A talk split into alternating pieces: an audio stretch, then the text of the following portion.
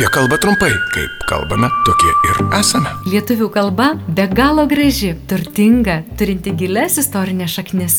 Turbūt visi sutiksime, kad verta, o gal net ir būtina ją saugoti ir puoselėti. Tačiau gyvenimas toks jau yra, kad kartais pamirštame, kartais kažko nežinome, tad prisiminti mūsų ypatingą kalbą padės trumpas laidelis apie kalbą trumpai. Kiekvieną dieną FM99 eteryje ir internete fm99.lt. O jeigu jums kyla klausimų, kaip žodžius kirčiuoti, rašyti, kaip vartoti, rašykite ir klauskite FM99 eta FM99.lt. Prie projektų finansavimo prisideda Spaudos radio ir televizijos rėmimo fondas. Sveiki, studijoje prie mikrofono Eglė Malinauskinė. Šiandien, draugė su Vilniaus universiteto lietuvių kalbos katedros profesorė Irena Smetonienė, pakalbėkime apie mokyklinius reikalus. Na pavyzdžiui, kaip reikėtų sakyti, po pamokinė ar užklasinė veikla? Manau, kad abu turi teisę egzistuoti. Ir aš kaip suprantu, mūsų švietimo sistemoje nėra nusistovėjusi. Aš net pati pasižiūriu, anūkės kaip rašo mokytojai. Jie lyg pradeda daryti skirtumą, kad po pamokinė tarsi ta veikla vyksta mokykloje po pamokų.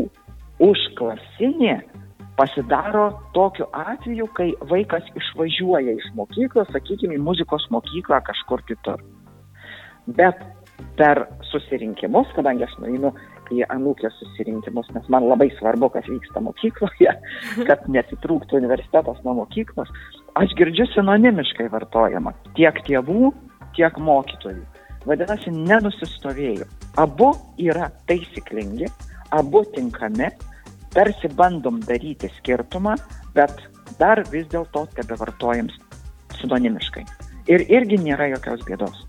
O jeigu iš užklasinės ar popamokinės veiklos grįžtume į mokyklą, ar yra sinonimai klasiokas ir bendraklasis, ar vis dėlto irgi reikėtų pasirinkti kažkurį taisyklingesnį variantą?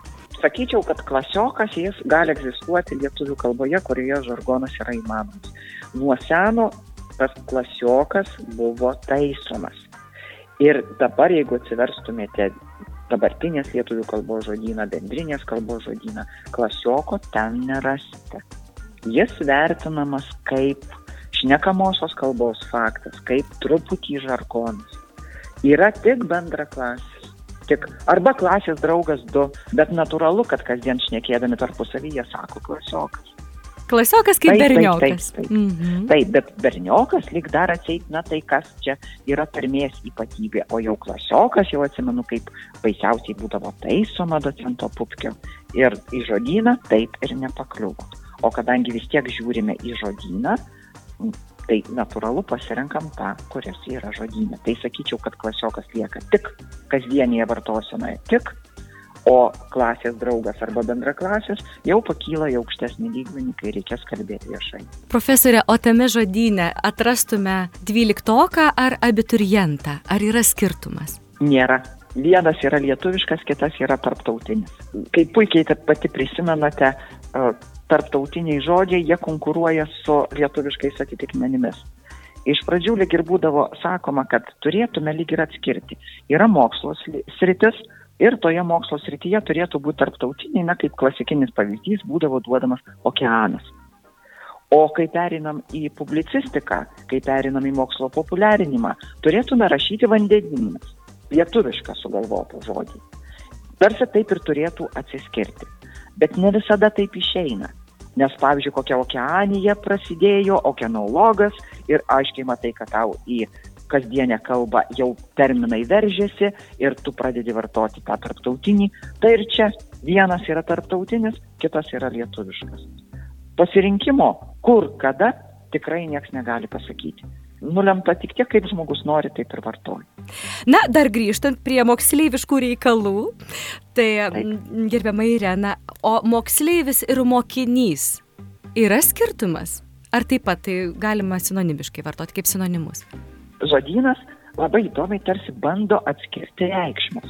Ir jeigu pažiūrėtumėt, pavyzdžiui, moksleivis, tai tas, kas eina mokslus mokykloje. Labai bendra reikšmė, ar ne? O jau mokinys, mokinys ten turi dvi reikšmės, bet pirmoji reikšmė mums svarbesnė, kaip, kaip apibūdina, kas mokosi bendrojo lavinimo mokykloje. Dar prideda ir kas mokosi kokioj, kokios nors profesijos. O koks čia skirtumas? Kas eina mokslos mokykloje, kas mokosi bendrojo lavinimo mokykloje arba profesijos mokosi. Vadinasi, abu žodžiai yra, gali būti ir moksleivis, ir mokinys. Kuris paplis, tas ir bus. O žmogus, kuris moko moksleivį ar mokinį, mokytojas ar pedagogas? Lietuviškai mokytojas, numokyti, pedagogas tarptautinis. Arba taip, arba taip. Klaidos nebus. Nebus. Tik tiek, kad pedagogas mes tarptautinio žodžio reikšmę išplėtėme. Pavyzdžiui, mes, dėstytojai, irgi sakom, kad esam pedagogai. Plačiaja prasme pedagogai. Dėl to, kai pasako, kad pedagogam kils atlyginimai, mes labai apsidžiaugiam. o paskui pasirodo, kad kyla tik mokytojam, o dėstytojam ne. Būna ir tokių keistybių. Nors iš tikrųjų turėtume būti pedagogas tarsi platesnis, sutelpa visi, kurie moko, o mokytojas tas, kuris dirba mokykloje. Bet pažiūrėkime ir į tą patį mokytoją. Koks nors jogos mokytojas, vadinasi, irgi plati reikšmė. Tai matyt susiaurinti mokytojo iki mokyklos irgi neišeitų. Vadinasi, mes irgi dėstytojai esam irgi mokytojai, nes mes mokom kažko. Nes jeigu tik atidėstom ir išeinam, tai nėra jokios prasmės. Reikia ir pamokyti dar. Tai abu žodžiai tinkami. Ar jų kada nors reikšmės taip labai atsiskirs, na, sunku pasakyti.